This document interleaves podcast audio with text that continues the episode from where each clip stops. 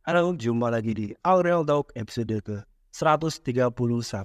Oke, kali ini uh, kali ini seperti biasa kita akan mulai podcast, tapi karena sekarang saya lebih aware tentang jumlah episodenya, jadi episodenya udah bakal ingat semuanya.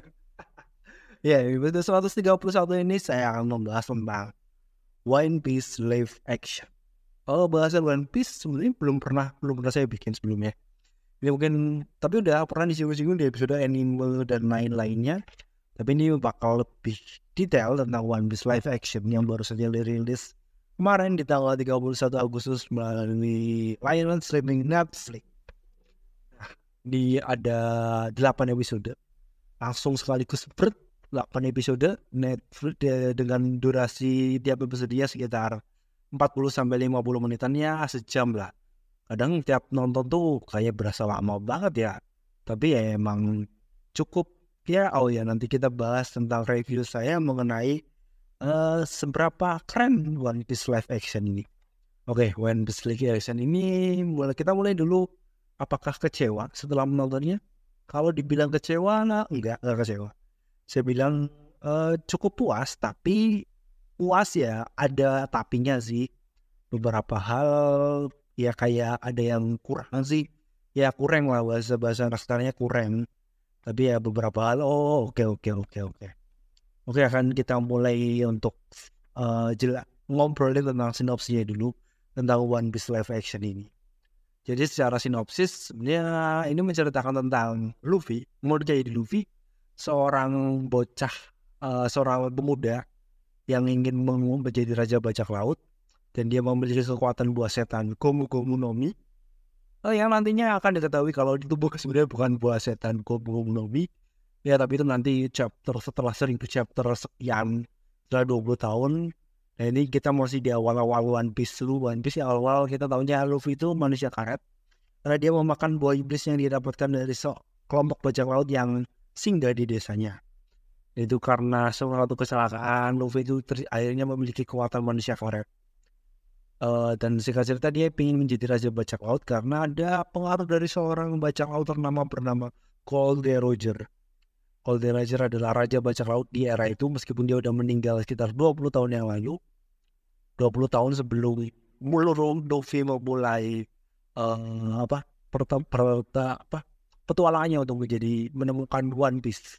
Dan One Piece itu adalah harta yang ditinggalkan The Golden Roger di sebuah perairan yang ganas bernama Green Line. Inti, inti ceritanya itu uh, ceritanya petualangan, bajak temanya bajak laut. Ini tema bajak laut tuh di tahun 1997, tahun 97 tuh tema yang jarang diangkat ya. Ya manga-manga tuh banyak kan yang agak uh, terkait dengan pendekar, perkelahian tuh banyak. Tapi untuk bajak laut tuh agak karena jauh dari budaya Jepang ya. Jadi ya tema-tema kayak paling samurai ini tuh paling sering banget diangkat di komik-komik Jepang. Itu waktu itu eranya itu masih dekat-dekat era Dragon Ball, era Samurai X dan Eiichiro Oda tuh katanya pernah jadi Aizennya. Eiichiro Oda tuh yang bikin One Piece ini ya makanya One Piece. Dia tuh pernah bikin uh, jadi asistennya Dragon Ball sama uh, Samurai Rurouni Kenshin. Ya itu dulu-dulu tuh uh, tema baca laut adalah tema yang jarang sekali diangkat. Ini keluar dari pakem si Oichiro Oda ini bikin manga dengan tema bajak laut.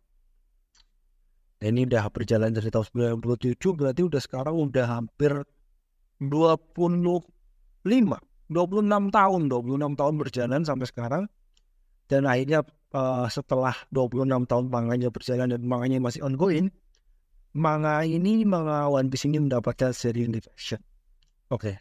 untuk membahas tentang live actionnya yaitu adalah dari Ars Romance Down yaitu ars pertama ya ars pembukaan lah tentang asal usul Luffy tentang bagaimana Luffy itu ketemu kru awalnya.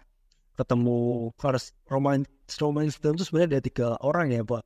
Ini awalnya ada Nami sama Zuru dan itu tiga orang itu dari tiga orang ini kembang berkembang dan akhirnya jadi ada 10 kru kalau sekarang 10 kru ini uh, sampai dengan cerita tentang Arlong Park Park itu ya nanti kaitannya sama uh, masa lalunya Nami. Nami yang awalnya kita pikir mau gabung-gabung aja ternyata punya masa lalu yang cukup kelam.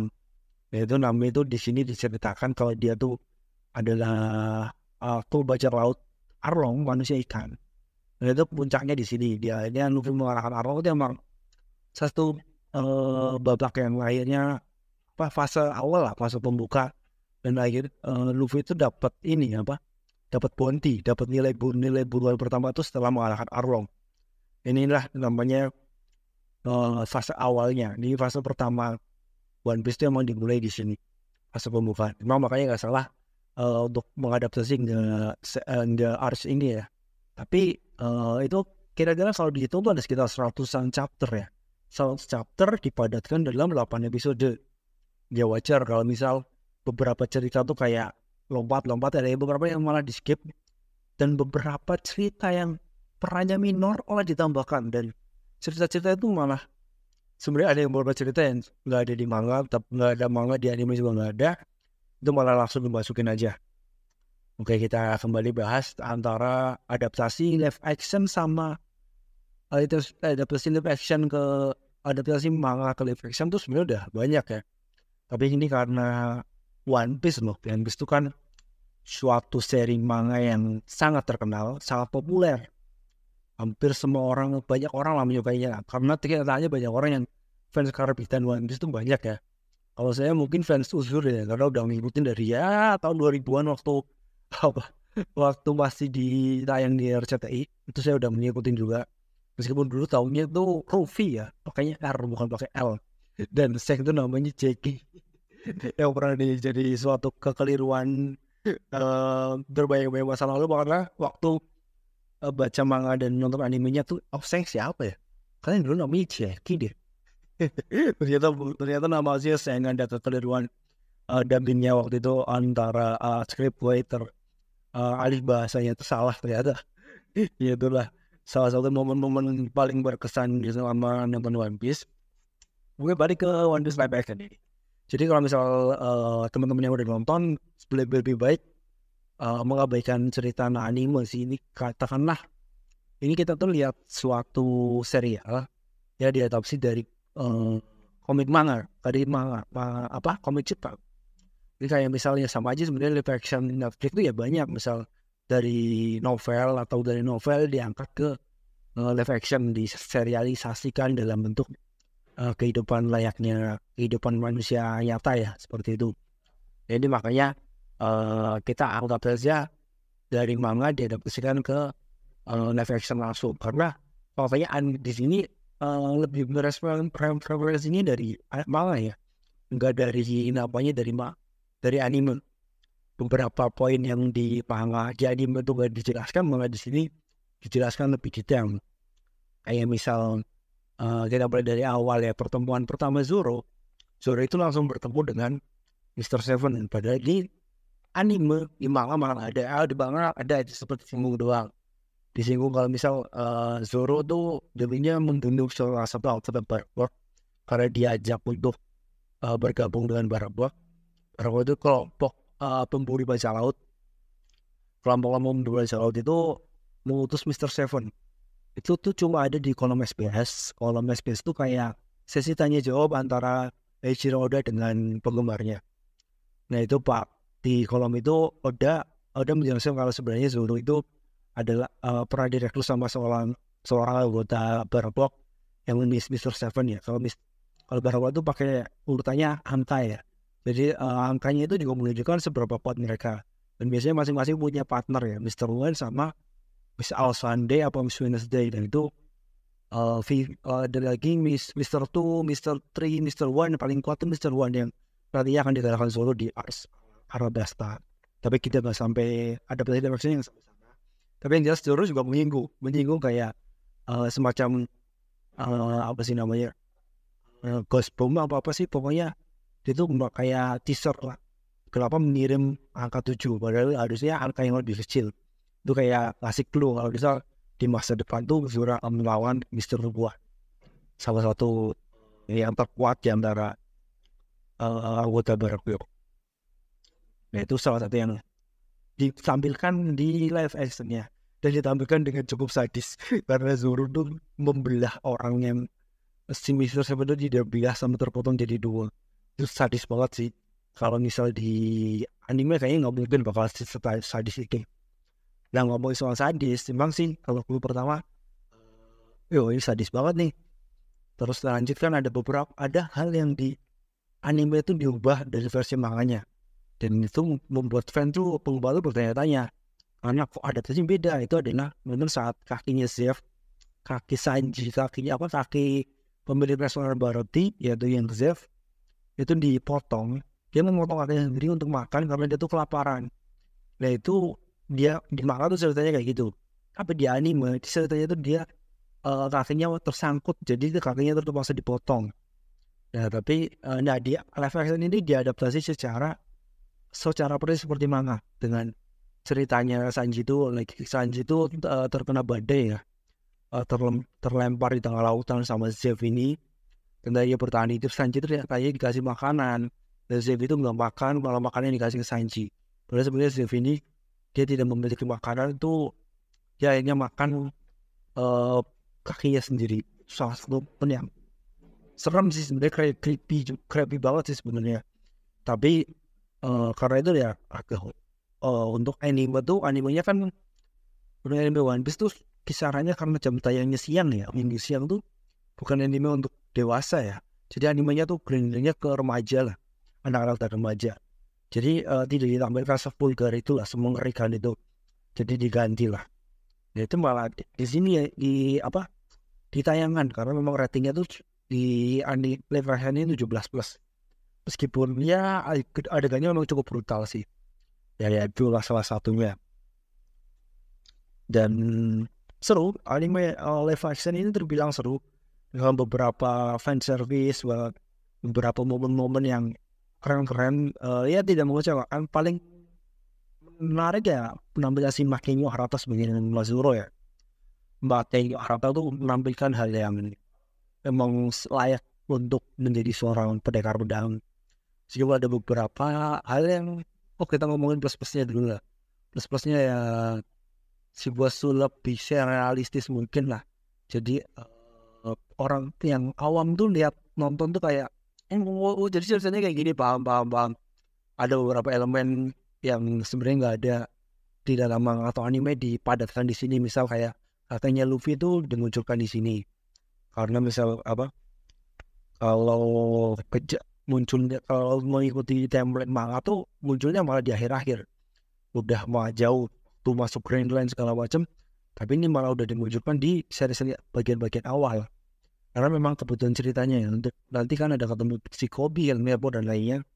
Karena memang biar ada biar ada orang yang akhirnya melepas diri dan di momen air fight series final ini kan akhirnya si uh, Gap ini melepaskan Luffy dan membiarkan dia untuk ya udah kamu berlayar saja sana setelah mengalahkan Arlong ya itu ya momen-momen yang keren sih. Jadi ada ada ada tujuannya dia datang ke sini nah, itu satu momen positif. Terus yang pertemuan yang tidak diduga yaitu pertemuan antara Zev dengan Cloud sering di manga di anime tuh gak ada cerita itu. Padahal kalau misal dibikin ya mereka sama-sama seangkatan Gold Roger ya atau baca laut satu angkatan laut.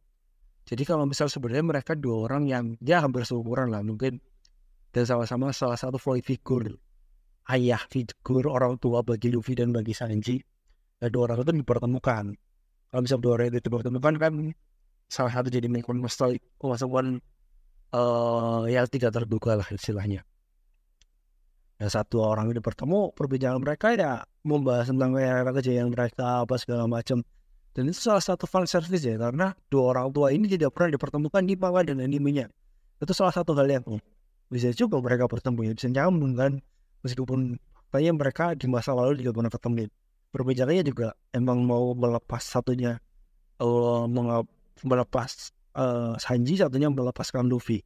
Itu salah satu hal yang keren juga bisa bisa kepikiran untuk menampilkan menanyakan menampilkan mereka berdua untuk bertemu dan berdialog itu keren. Dan terus sudah positif positifnya yang pertarungannya keren keren meski ya ada ya kita bahas langsung minusnya aja ya. Minusnya ya uh, siapa si Zoro ini yang ada pedangnya meleot tuh aneh banget.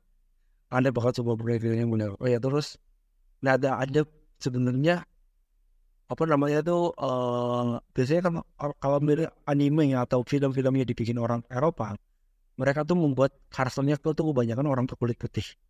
Ini kan One Piece tuh ada orang kulit putih ada orang Asia ada orang Afrika ya.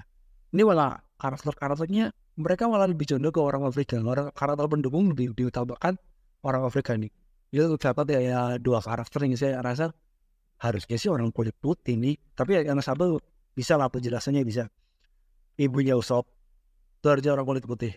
Karena kita lihat Usop tuh adalah campuran ya. Kalau bisa kulit ya sebenarnya kulit memang lebih condong ke ya hitamnya tuh enggak hitam yang orang Afrika banget. Yang jelas dia cukup coklat lah. Tapi hidungnya tuh hidung orang Eropa ya itu udah kelihatan banget hidung orang Eropa. Hidung orang kulit putih dan apa wajar malah hidungnya nggak panjang tuh benar. Memang bentuk hidungnya Usop tuh cukup manco aja maju aja udah cukup sih. Ya kan itu udah liatin kalau ayahnya tuh orang Afrika ya orang kulit hitam. Harusnya ibunya tuh malah orang kulit putih. Nah ini malah ibunya kebikin kulit hitam juga. Ini malah aneh kok anaknya jadi harusnya anaknya kulit hitamnya lebih lebih kulit hitam lagi hitam lagi ya. Mungkin malah dibikin kayak gitu Nah terus yang karakter Nojiko saudarinya Nami kakak kakak kakak angkatnya Nami itu dibikin uh, berkulit hitam. Padahal di manga atau di animenya tuh kulitnya kulit putih. Mungkin satu ras sama Nami ya sama-sama orang berkulit putih atau orang Eropa lah. Tapi uh, ya sebenarnya wajar aja. Ini soalnya buat menjelaskan kalau misal Nami sama Nojiko itu sebenarnya bukan saudara kandung. Kalau awal tuh banyak awal di anime di manga tuh oh ini kakaknya Nami oh oh kita ngeliatnya tuh oh ini saudara kandung tuh. Oh ternyata bukan. Ini ternyata uh, mang mereka itu sudah angkat karena si Benemere ini. Benemere Benemere itu bahasa Prancis artinya bunyi putih.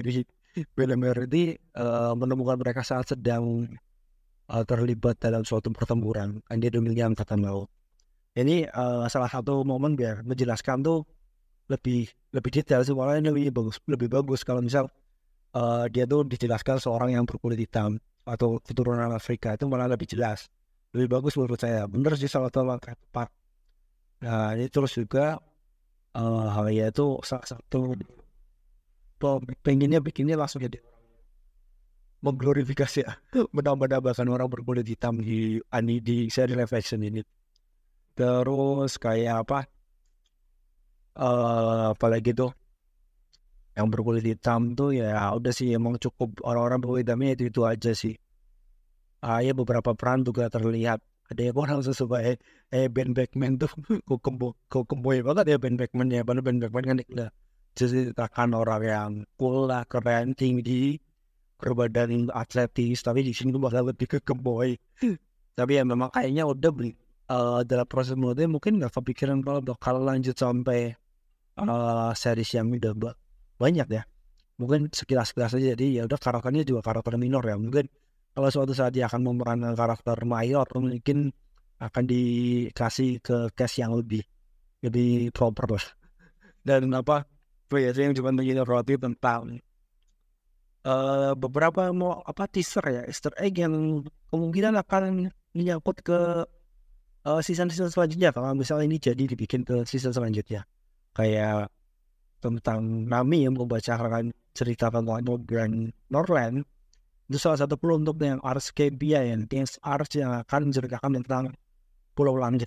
Itu, itu udah di teaser di sini. Terus kemunculan para si Yukai ini ada karakter yang muncul di depan Seng itu waktu eksekusi Roger tuh itu benar model tapi di gambarnya perempuan ya. Ini apakah ini menjawabkan rumor bahwa ternyata selama ini krokodil adalah perempuan ini masih tanda tanya besar. Ini maksudnya apa nih udah kasih kayak gini? Terus uh, Barakok juga jelas nanti akan diceritakan ya. Kalau di sini salah satu anggotanya udah muncul. Terus nama Jinbei itu sudah disebutkan oleh Arnold. Jinbei itu padahal akan muncul pertama kali muncul waktu uh, apa momen Marineford Arch Marineford. Don Impel Don itu dia baru muncul tuh waktu membebaskan es kakaknya Luffy itu masih jauh banget dari sekarang. Tapi udah di teaser namanya ini udah di teaser tuh udah bakal oh ini berarti dia menunjukkan kalau dia tuh eksis di semesta ini. Jadi nanti kan ceritanya tuh udah bakal nanti mengarah ke sana. Nah ini kalau misalnya lanjut dilanjut ke season 2 ya karena kita nggak tahu uh, akan seperti apa ya. Karena ini masih orang-orang masih berusaha mencerna nih satu minggu ini dari tanggal 31 sampai tanggal eh, episode podcast ini di tanggal 5 itu orang-orang masih mencerna. Ini nanti belum keluar oh ini berapa seberapa heboh sih ini? Dan nanti apakah dia akan dibikin sequelnya? Tapi nggak tahu ini sequelnya pas kapan. Nanti jelas sangat fenomenal sih. Dan nah, fenomenalnya ini malah ada beberapa tanda minus yang menurut saya. Jadi catatan nih. Kayak ya apa?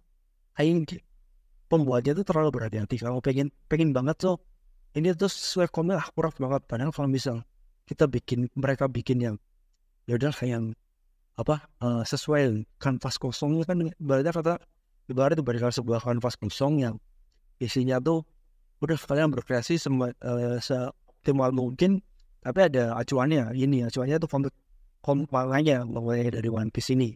Yang udah ada seribu chapter lebih itu.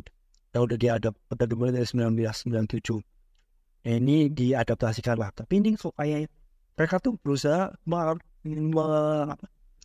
mengutamakan supaya lebih komik akurat. Padahal beberapa hal menurut saya usah komik akurat akurat banget deh.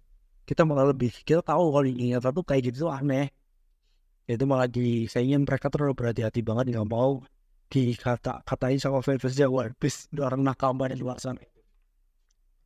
Ya itu tapi terus yang jadi salah satu dari apa youtuber Daily Sling yang biasanya review film film superhero juga ngomong ini kayaknya mereka tuh berhati-hati banget sama anda. Kayaknya dialog-dialognya tuh terkesan ngaku loh. Kayak terkesan nggak apa nggak natural ya. Bisa obrolan kayak orang lagi bertinggal bincang tuh kayak momennya kayak kayak berdialog satu sama lain tuh. Apa nunggu nunggu terus ngobrol itu kayaknya kesannya kaku banget. Nah itu salah satu memang uh, itu nilai minusnya. Uh, ya overall sih kalau disuruh kasih skor ya skornya 8 dari 10 lah. Udah cukup oke okay untuk sebuah action ya tandingannya Roron Dickinson lah, Roron Dickinson oke okay lah. Masih sama Roron Dickinson masih di bawahnya tapi ya oke okay lah. Masih tidak mengecewakan dan suatu pencapaian luar biasa dari 26 tahun karya dari seorang dan akhirnya mendapatkan tinta emas ya di tinta emas untuk sebuah mangaka yang luar biasa One Piece ada serial animenya Laris Manis, manganya Laris Manis dan mendapatkan live action yang cukup uh, mengesankan, cukup memuaskan. Ya, seperti itu aja sih. Udah 20 menit lebih. Dan terima kasih sudah mau mendengarkan. Jangan lupa untuk follow Instagram kita di at Podcast dan juga follow dengerin dengerin episode episode lain uh, episode kita akan ber, uh, membicarakan seputar uh, seputar obrolan angkringan ada juga seputar isu-isu kayak film uh, anime musik dan lain-lain film movie movie ya sama aja filmnya ya sesuatu isu-isu yang berkaitan dengan young adult young adult atau dewasa muda yang untuk kalian lagi seorang usianya antara 25 tahun sampai 35 tahun dan sekian apa yang bisa saya sampaikan. Salam Yudi Raharjo dari Real Talk. Salam Jaya Yesus.